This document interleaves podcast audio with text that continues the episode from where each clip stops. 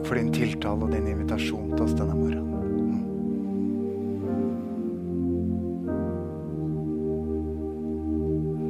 Takk at du er i den stille hviskinga. Du er fredsfyrsten.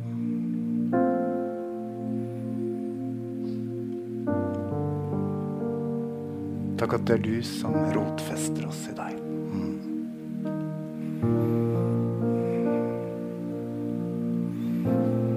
Uten deg har vi ingenting. I deg har vi alt, selv om vi mangler mye.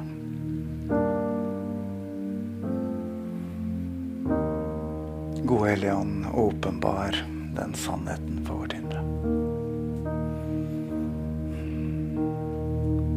Den rikdommen vi eier. I deg, Jesus.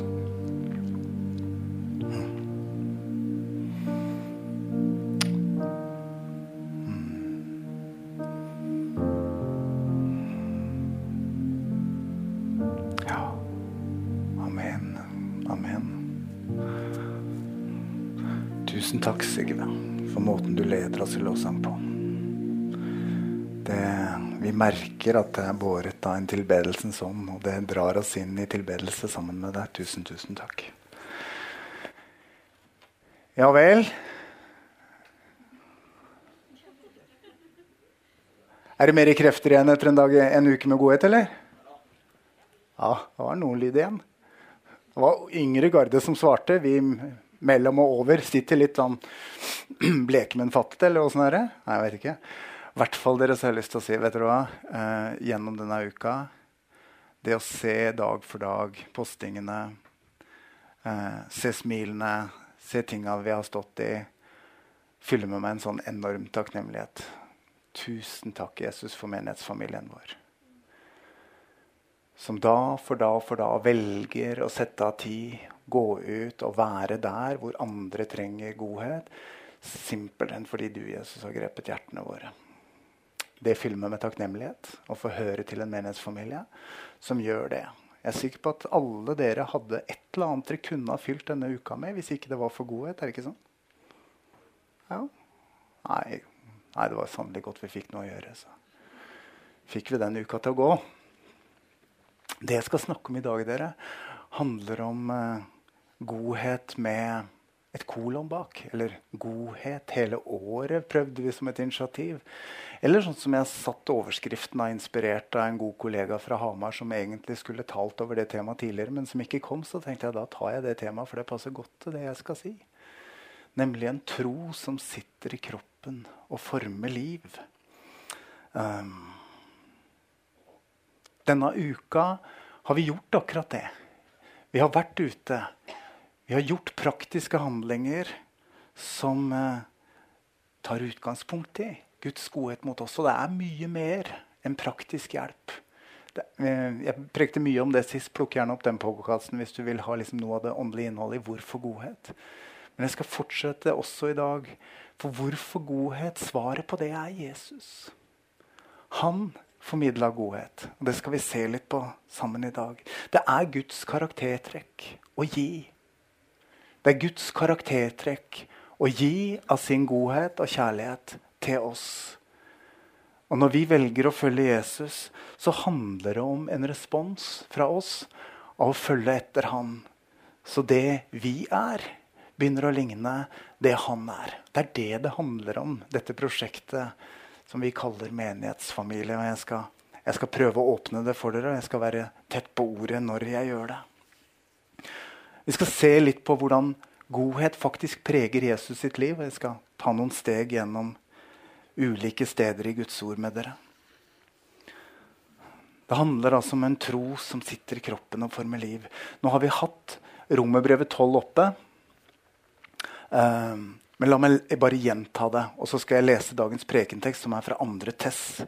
Andre Tess 1, ett enkelt vers. Men først romerne.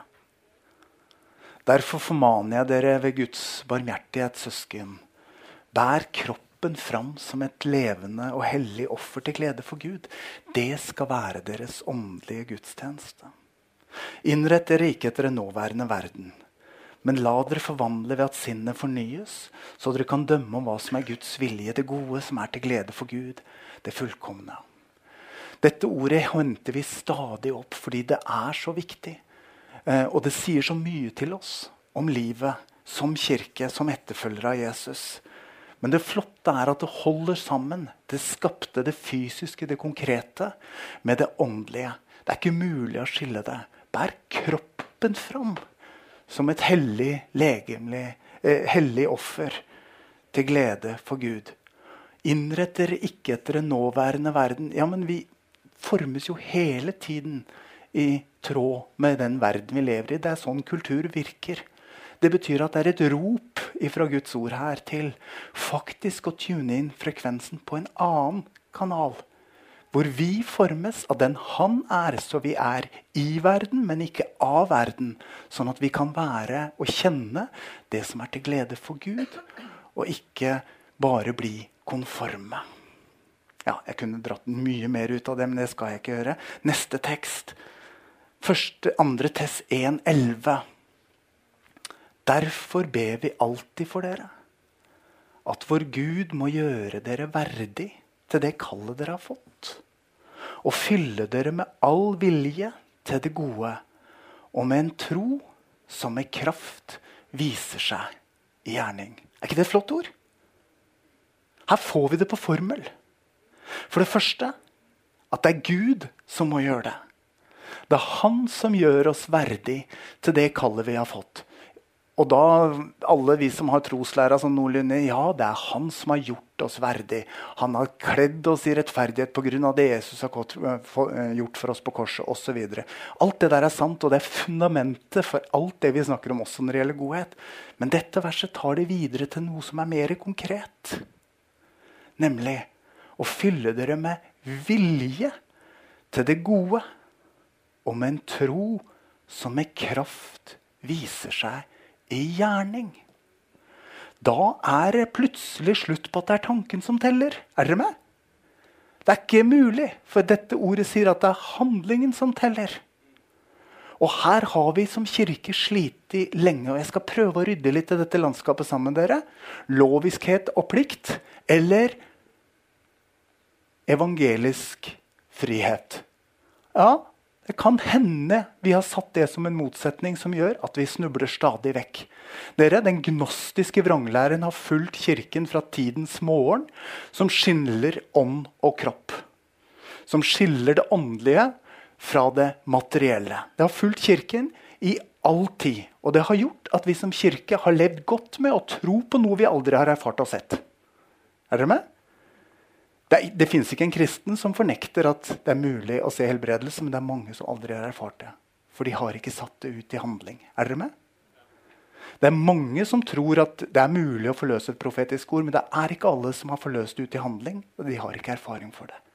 Og motsatt så lever vi også godt med at vi kan ha de gode holdningene, men handlingene svarer ikke til holdningene. Hvorfor lever vi så godt med det? Fordi det gnostiske tankesettet som preger hele verden, også preger oss. Men dette ordet sier at når Gud blir menneske og får kropp i Jesus, så er det for å smelte ånd og materie sammen og si at det er en helhet. En helhet som er hellig og alminnelig på samme tid. og Derfor så bekjenner vi trosbekjennelsen når vi snakker om hva kirke er. En hellig, allmenn kirke.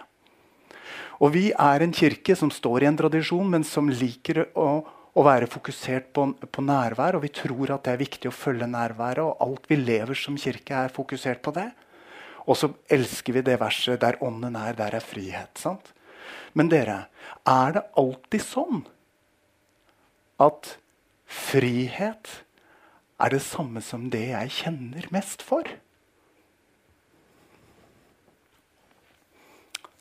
Det tror jeg nemlig ikke. Nei, det kjenner ikke jeg for, og det er frihet. Ja, men jeg sa forrige søndag Johannes av Korset snakker om den elskende viljen.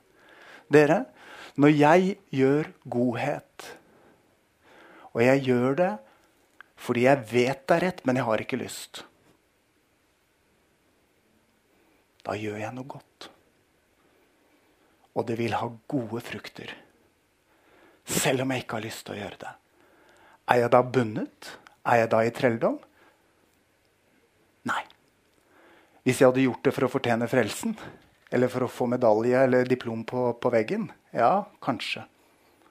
Men hvis jeg gjør det som jeg ønsker å gjøre fordi jeg vet det er rett, selv om jeg egentlig ikke har lyst, hva gjør jeg da? Da tukter jeg kjødet. Da tukter jeg min egen vilje, som vil gå mange plasser. Er dere med? Ja, jeg merker litt motstand nå. Men dette mener jeg! Vi karismatikere har det veldig lett med at det vi føler for og det vi kjenner på innsida, er det samme som det Gud leder til. Og der kan vi bedra oss sjøl. Og så blir vi selvopptatte istedenfor åndsleda. Noen ganger er det veldig leda å forsake det jeg virkelig har lyst til å gjøre, fordi det er ikke rett. Og jeg gjør det fordi jeg tror at Gud har vist meg det som er sant. Noen ganger er det veldig rett å gjøre det jeg ikke har lyst til. Fordi Ånden har vist meg at det er rett, selv om jeg ikke har lyst. Og friheten i Kristus demonstrerer jeg ved å følge kjærligheten, selv om kjødet, egenviljen min, drar meg en annen vei. Dette er evangelisk frihet, dere. Og la dere ikke forføre til å forblande det sånn at det alltid er sånn at det Ånden sier, samsvarer med det jeg har mest lyst til eller kjenner mest for. Sånn er det ikke i mitt liv. Sånn leser jeg det ikke når jeg leser kirkefedrene. Og sånn leser jeg det ikke hos noen åndelige veiledere. Men det å gå her dere, i lydighet og smelte dette sammen Og det er nettopp det som dette bibelverset gjør. Ser dere det? Og da er det ikke så farlig om vi en dag strengt tatt ikke har lyst til å gjøre det rette. Vi gjør det allikevel. Fordi vi vet at frukten av det er noe godt for de jeg gjør det for. Og en sekundær frukt av det er at det skaper en rytme i mitt liv som blir til en god vane som jeg bare går i også de dagene jeg ikke kjenner for det. 16.4 talte Eileen veldig godt, og hun tok fram boka 'Kunsten å forme et liv' av Stian Aarbrot. Gå gjerne tilbake på podkasten og hør den. Jeg skal bare repetere et hovedpoeng. Dere vet det, um, det er ikke sånn at tankene våre um, Nei, spor tilbake. Et annet innsteg. Handlingene våre former tankebanene våre sier Stian Aarebrot i boka 'Kunsten å forme et liv'. Når vi gjør det rette og det gode, inspirert av Guds ånd, inspirert av Jesus som forbilde, opplevelsen av en tiltale, hva som enn er utgangspunktet, når vi gjør det gode og det rette, så skapes det tankebaner oppi her som gjør det til gode rytmer for oss å gjøre det som er sant og rett og godt. Jeg hadde lyst til å male det her litt ut i begynnelsen.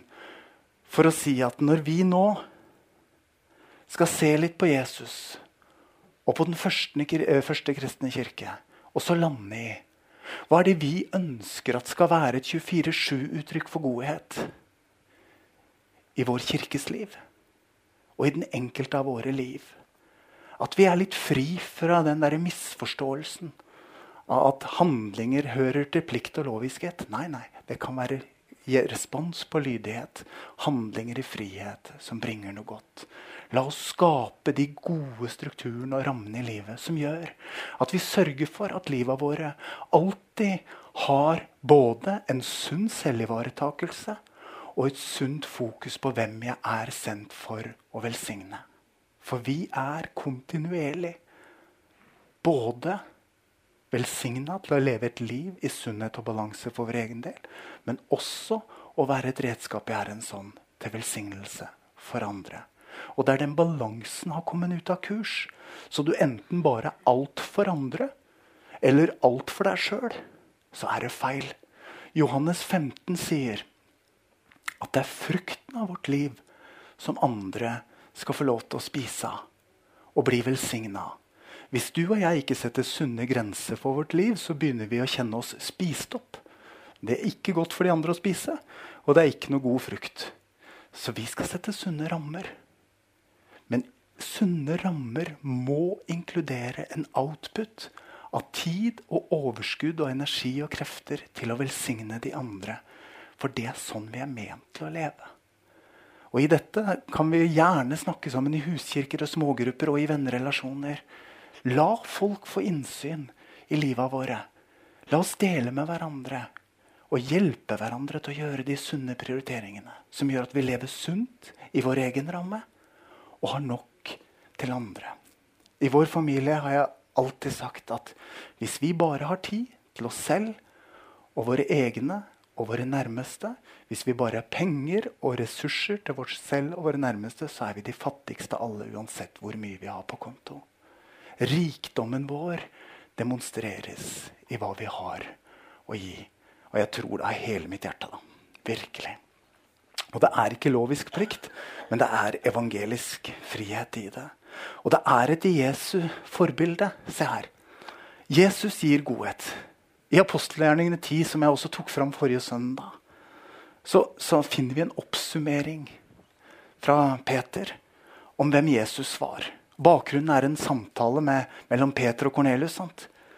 Og så forteller Peter om Jesus, og når han skal oppsummere Jesus sitt liv, så sier han Jesus fra Nasaret ble salvet av Gud med hellig ånd og kraft. Og han gikk omkring og gjorde vel og helbreda alle som var underkuet av djevelen, for Gud var med ham. Det er det Peter sier.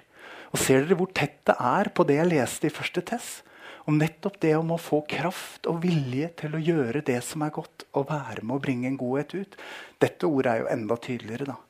Og la oss ikke liksom se engler og demoner av Hollywood-fasongen på, på motstanderen i dette ordet. Men det er mange som har trenger og erfare en godhet som setter dem fri fra den begrensning og låsning de lever i i livet sine. Og vi tror at det er mange veier til det målet. La oss se på noen av de måtene Jesus velger. For det første, dere. Jesus velger å gi godhet til de som ingen liker. La det synke inn. Den ugreie naboen. Den som har lagt seg ut med alle. Den velger Jesus å stoppe opp ved.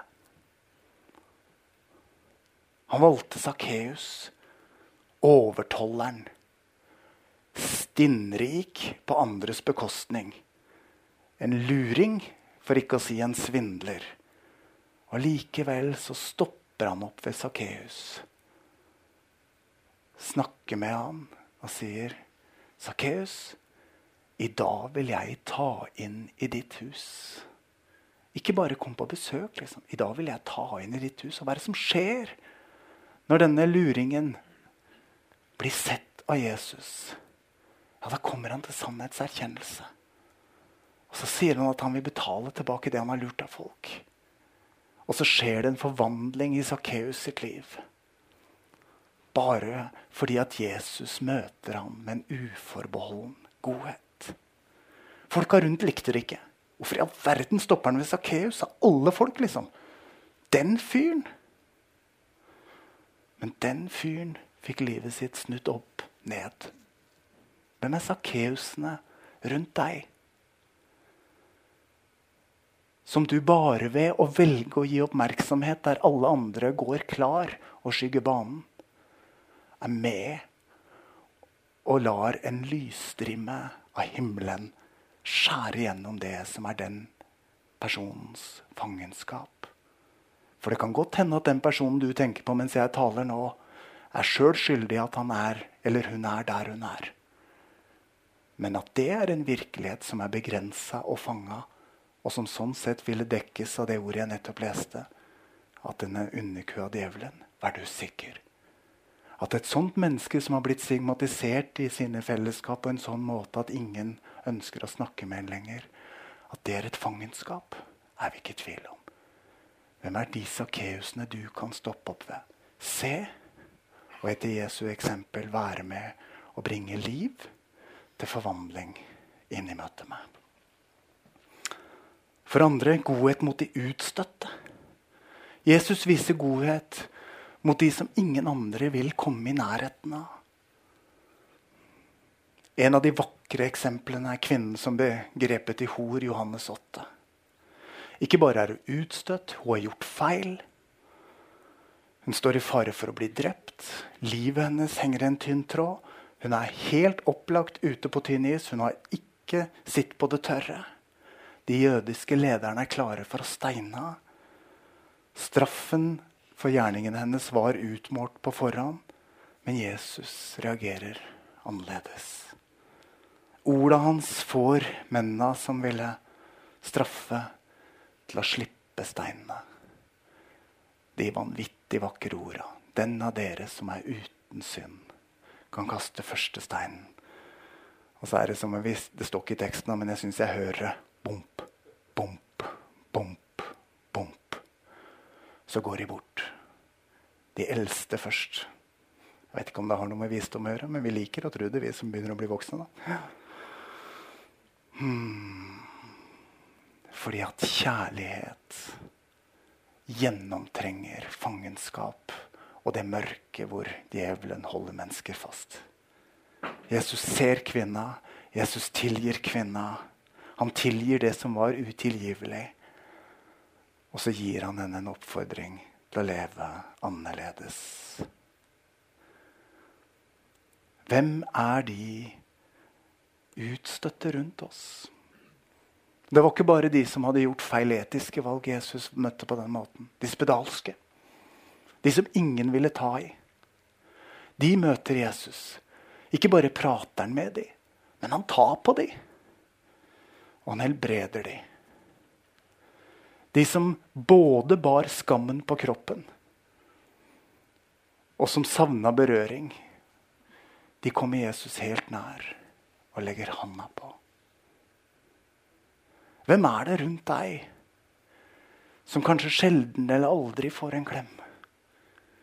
Som pga. den måten livet har fart i vei med de på, gjør at de regnes blant de som ikke lenger regnes med. Og som du kan få lene deg inntil. Med et ord, med en berøring. Og vise noe av Guds godhet og kjærlighet inn i livet til noen som har blitt veldig begrensa. Så viser også Jesus sin godhet gjennom helbredelse. Det skal vi ikke underslå.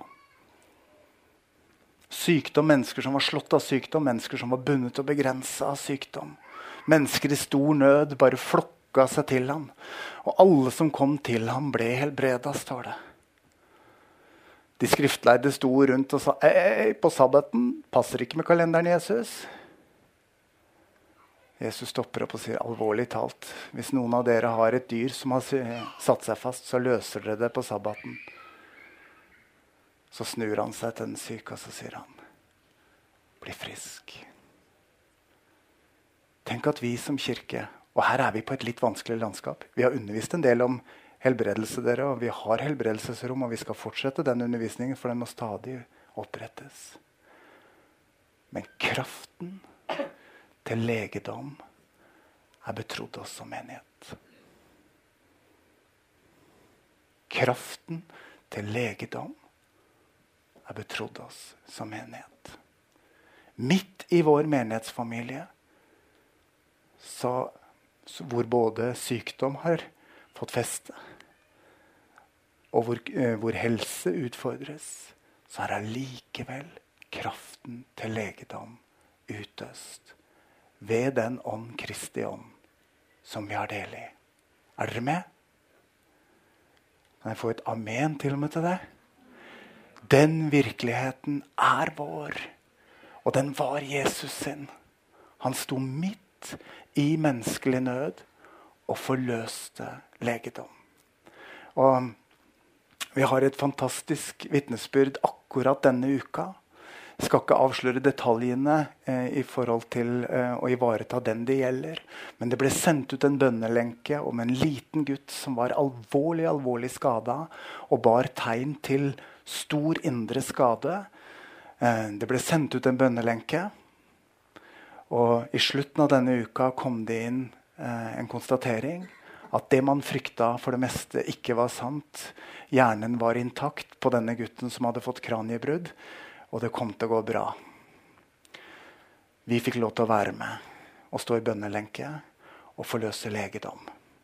Den gutten viste tydelig tegn på defekt. Nå fungerer han. Kraften til legedom er i Jesu hender, og den er i menighetens midte. Og det er et uttrykk for godhet når vi ikke bare passerer en syk og sier 'god bedring', da. Jeg skal be for deg. Men stopper opp, legger hendene på og ber som Peter. Gull og Nei, jeg trenger ikke si det. Men, men det jeg har, nemlig Kristi ånd, kan jeg gi deg. Og jeg sier med alt i Guds rike, enten det gjelder menighetsbygging, helbredelse eller profeti I Guds rike dere, har vi ikke resultatansvar. Alle dere som har resultatansvar på jobben, det, det er gode nyheter. I Guds rike har vi ikke resultatansvar. Vi har virksomhetsansvar. Det er vårt ansvar å sette ting i bevegelse. Det er hans ansvar å sørge for resultatene. Er dere med? Det tar av oss mye. Og enkelt sagt om helbredelse Jeg pleier å si til de som spør og undres um, Jeg ser mange flere helbredelser etter at jeg begynte å bli for syke. Så hvis ikke du har sett noen bli helbreda ennå, begynn å be for syke, så kommer du til å se det. Ikke hver gang, men av og til. Og for Jesus er det et uttrykk for kjærlighet når han legger hånd på og forløser helbredelse. Og så viser også Jesus godhet simpelthen ved å dekke helt naturlige behov. Og for alle dere som har en sånn type vertskapsgen i seg, og som liker å stelle og stulle og lage mat og dekke bord eller bake noe og gi til naboen, ja, det er et Jesu eksempel, altså. Matteus 15. Hvordan eh, fisker og brød blir til mat for mange. Et eksempel på, fra Jesus sjøl, på at det å se de helt naturlige behovene i et menneskes liv og velge å dekke det, er et uttrykk hos Jesus for godhet. Godhet var bærende i Jesu liv.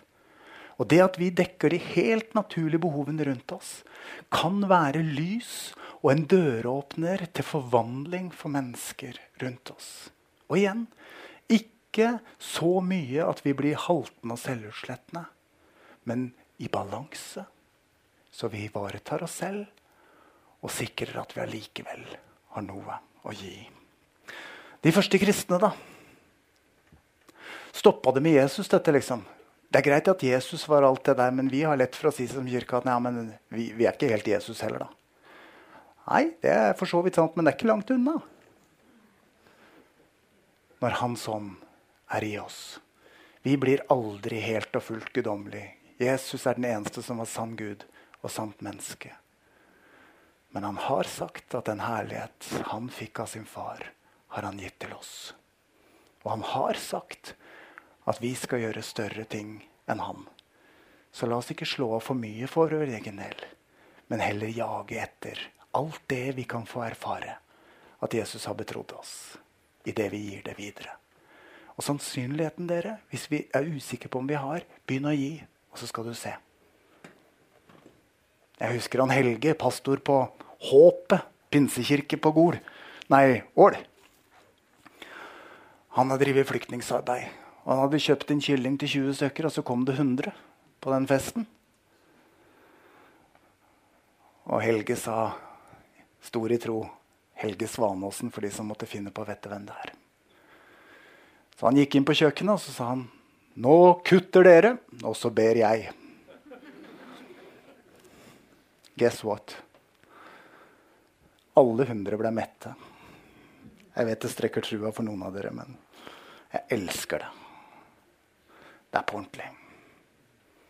Hvis du er usikker på om du har råd til å gi bort, bare gi og se at det holder.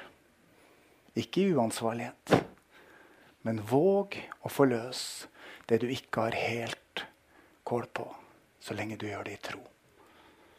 Så får vi, både du og jeg, erfaringen av at sannelig Gud er i vår midte. Ja. De første kristne var det kjennetegna på akkurat samme måte. dere. De kristne, Er dere klar over det at det å bli kalt kristen det var i utgangspunktet et mobbeord? Som de sekulære omgivelsene rundt den første kristne kirke satte for å liksom gjøre narr av de som ligna på Jesus. Det er ganske digg. Hvis livet til de første kristne ligna så på Jesus at de kunne bare ut ifra li livsførselen deres ah, 'Er du kristen, eller?' Ja, Da er vi jo på sporet av noe som er på ordentlig. da. Er du med? Tenk om vi begynte å bli mobba for at vi er kristne. Fordi vi ligna så på Jesus i nabolaget. Det er utgangspunktet for navnet. Kristen. Uh, men det vi ser i, alle fall i den første kirke, er en raushet. Punkt én. Apostelgjerningene to. Alle troende holdt seg sammen og hadde alt felles. De solgte eiendommene sine osv. Et radikalt ideal. Men det er et tydelig utsagn om at vi virkelig gir oss hen til et felles prosjekt fordi Jesus har sagt det, og fordi Jesus har tatt kursen. Og noen i dag også velger kollektivet. Eh, Magnus Malm, som er en av kanskje vår tids viktige åndelige røster i Norden, har levd 20 år i kollektiv. Les bøkene hans og bli inspirert av det hvis du er der. Men også for oss som lever i privathusholdninger og, og i kjernefamilier, så er dette her allikevel et ord som vi kan bli inspirert av og utfordre av. De solgte alt og hadde alt felles. Ja, noen skal selge alt. Noen skal eie mer for å kunne gi mer. For at velstand skal forløses, så må noen skape eh, velstand. Så jeg er ikke imot det her. Men la oss utfordres av ordet allikevel. Hadde alt felles. Meg og mitt, eller vi og vårt. Lek med tankene, dere. Alle oss og alt vi er, og alt vi eier, og alt vi har i fellesskap. Hvis vi satte det i bevegelse i den retning vi bestemmer oss for, dere, da flytter vi fjell.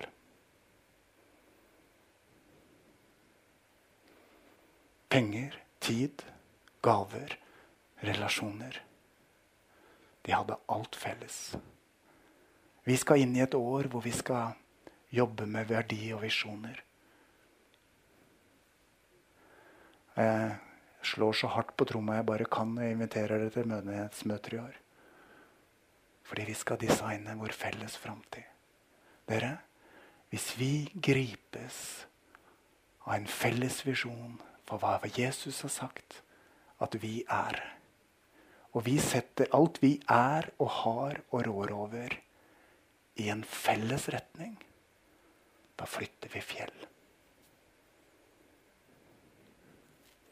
Dette kan vi ikke tvinges til. Dette må Ånden lede til. Fordi Ånden skaper en enhet og en sanksjon i vårt hjerte til at det er dette som er min respons, Jesus, på at du har elska meg først og gitt meg nåde over nåde. Ingen skal dyttes inn i dette, for hvis noen dyttes inn i dette, så vil de gjøre alt de kan for å løsrive seg og løpe bort rundt neste sving. Men de som kjenner at de virkelig kan gi seg til og tenke det jeg er, det jeg rår over, det jeg har, kan jeg sette i bevegelse for å gi den retning i lydighet mot Kristus. Og det kallet han har lagt på oss. Jeg lar den henge der. Det sto ikke i manus, det tror jeg dere skjønte. Ja. Det greske ordet koinonia betyr eh, kommer fra ordet 'koinos', som betyr felles. Menighet er fellesskap. Vi lever i en ekstremt individualiserende kultur. Bibelordet jeg åpna med, forteller oss at vi ikke skal innrette oss etter den nåværende verden. Ikke la oss definere av den nåværende samtidskulturen, men av det som er sant i Guds ord. Og når vi ved ordet og ånden formes til det, så får han sin vei. Vi ser også at helbredelse fulgte den første kristne kirke. og Det inspirerer oss til å ha helbredelsesrom og forvalte helbredelsens nådegave. Og vi ser at den første kirke demonstrerte en omsorg for de fattige og for de utstøtte. En som har skrevet mye om dette, Rodney Stark, amerikansk sosiolog, sier at det er hans påstand at trolig er en av hovedårsakene til kristentroens utbredelse i den første tid at de fremfor alt de kristne var kjent for den godhet de viste, for den omsorgen de viste for de som var marginalisert, for de som var utstøtte. Godheten var en helt sentral nøkkel. De kristne pleia mennesker som var blitt syke av pest, og som ingen ville røre ved eller være rundt. De kristne så andres behov og stilte opp for dem på en tid hvor det ikke fantes Nav eller sosialvesen eller velferdsstat. Møtet med godhet var et møte for mennesker i den første kristne tid. De første kristne sine liv ligna på Jesus. Derfor ble de erta og kalt kristne. De lærte av Jesus og levde det ut. Jeg er ganske sikker på at ikke alle dager var like for den første kristne kirke heller. Noen dager hadde de lyst, andre ganger hadde de ikke. Men det er allikevel noe som setter seg som et mønster av en livsførsel som former liv. De hadde tatt imot en godhet som de ga videre. Jeg skal gå inn for landing. Du kan komme opp, Sigve. Ut i resten av dette året, fram til Godhet 24, som vi kan glede oss til, så er det vår invitasjon ifra himmelen dypest sett. Hvordan kan vi som menighetsfamilie, som kollektiv, men også som kjernefamilier eller huskirker, velge noen helt konkrete uttrykk som vi kjenner at sanksjonerer med noe av det hjerteslaget, nøden eller pasjonen eller lidenskapen som Gud har lagt på mitt hjerte. Som ikke bare blir en event eller et engangstilfelle, men som blir til en rytme og til en struktur og til en vane. En gang om dagen, en gang i uka, hver måned. På en måte som jeg bestemmer meg for, og så gjennomfører. Sånn at jeg når dagen er der og øyeblikket er der, ikke lurer på og kjenner etter om jeg føler for eller har lyst. Men jeg vet jeg har lyst, for jeg har bestemt meg for at mitt liv skal være et uttrykk for den Jesus som jeg kjenner, og som tror på meg, og som bor i meg med all sin herlighet. Og det er min bønn at mitt liv, at ditt liv, at vårt liv som kirke skal preges på en sånn måte at de kunne finne på å erte oss og kalle oss kristne. La oss be sammen.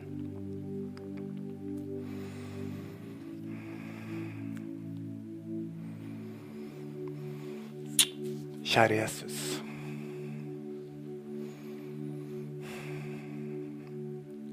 Jesus, vi elsker deg. Du er så god. Du er så full av nåde. Du er så vakker med alt du er og alt du gjør. Hver gang du berører våre liv, så er resultatet velsignelse og atter velsignelse. Herre, led oss nå ved din ånd. Som enkeltmennesker. Som kjernefamilier. Som huskirker og som menighetsfamilie, Jesus. Led oss. Gjør oss verdig til det kallet du har gitt oss, Herre. Og fyll oss med vilje til det gode. Og med en tro som med kraft viser seg i gjerning.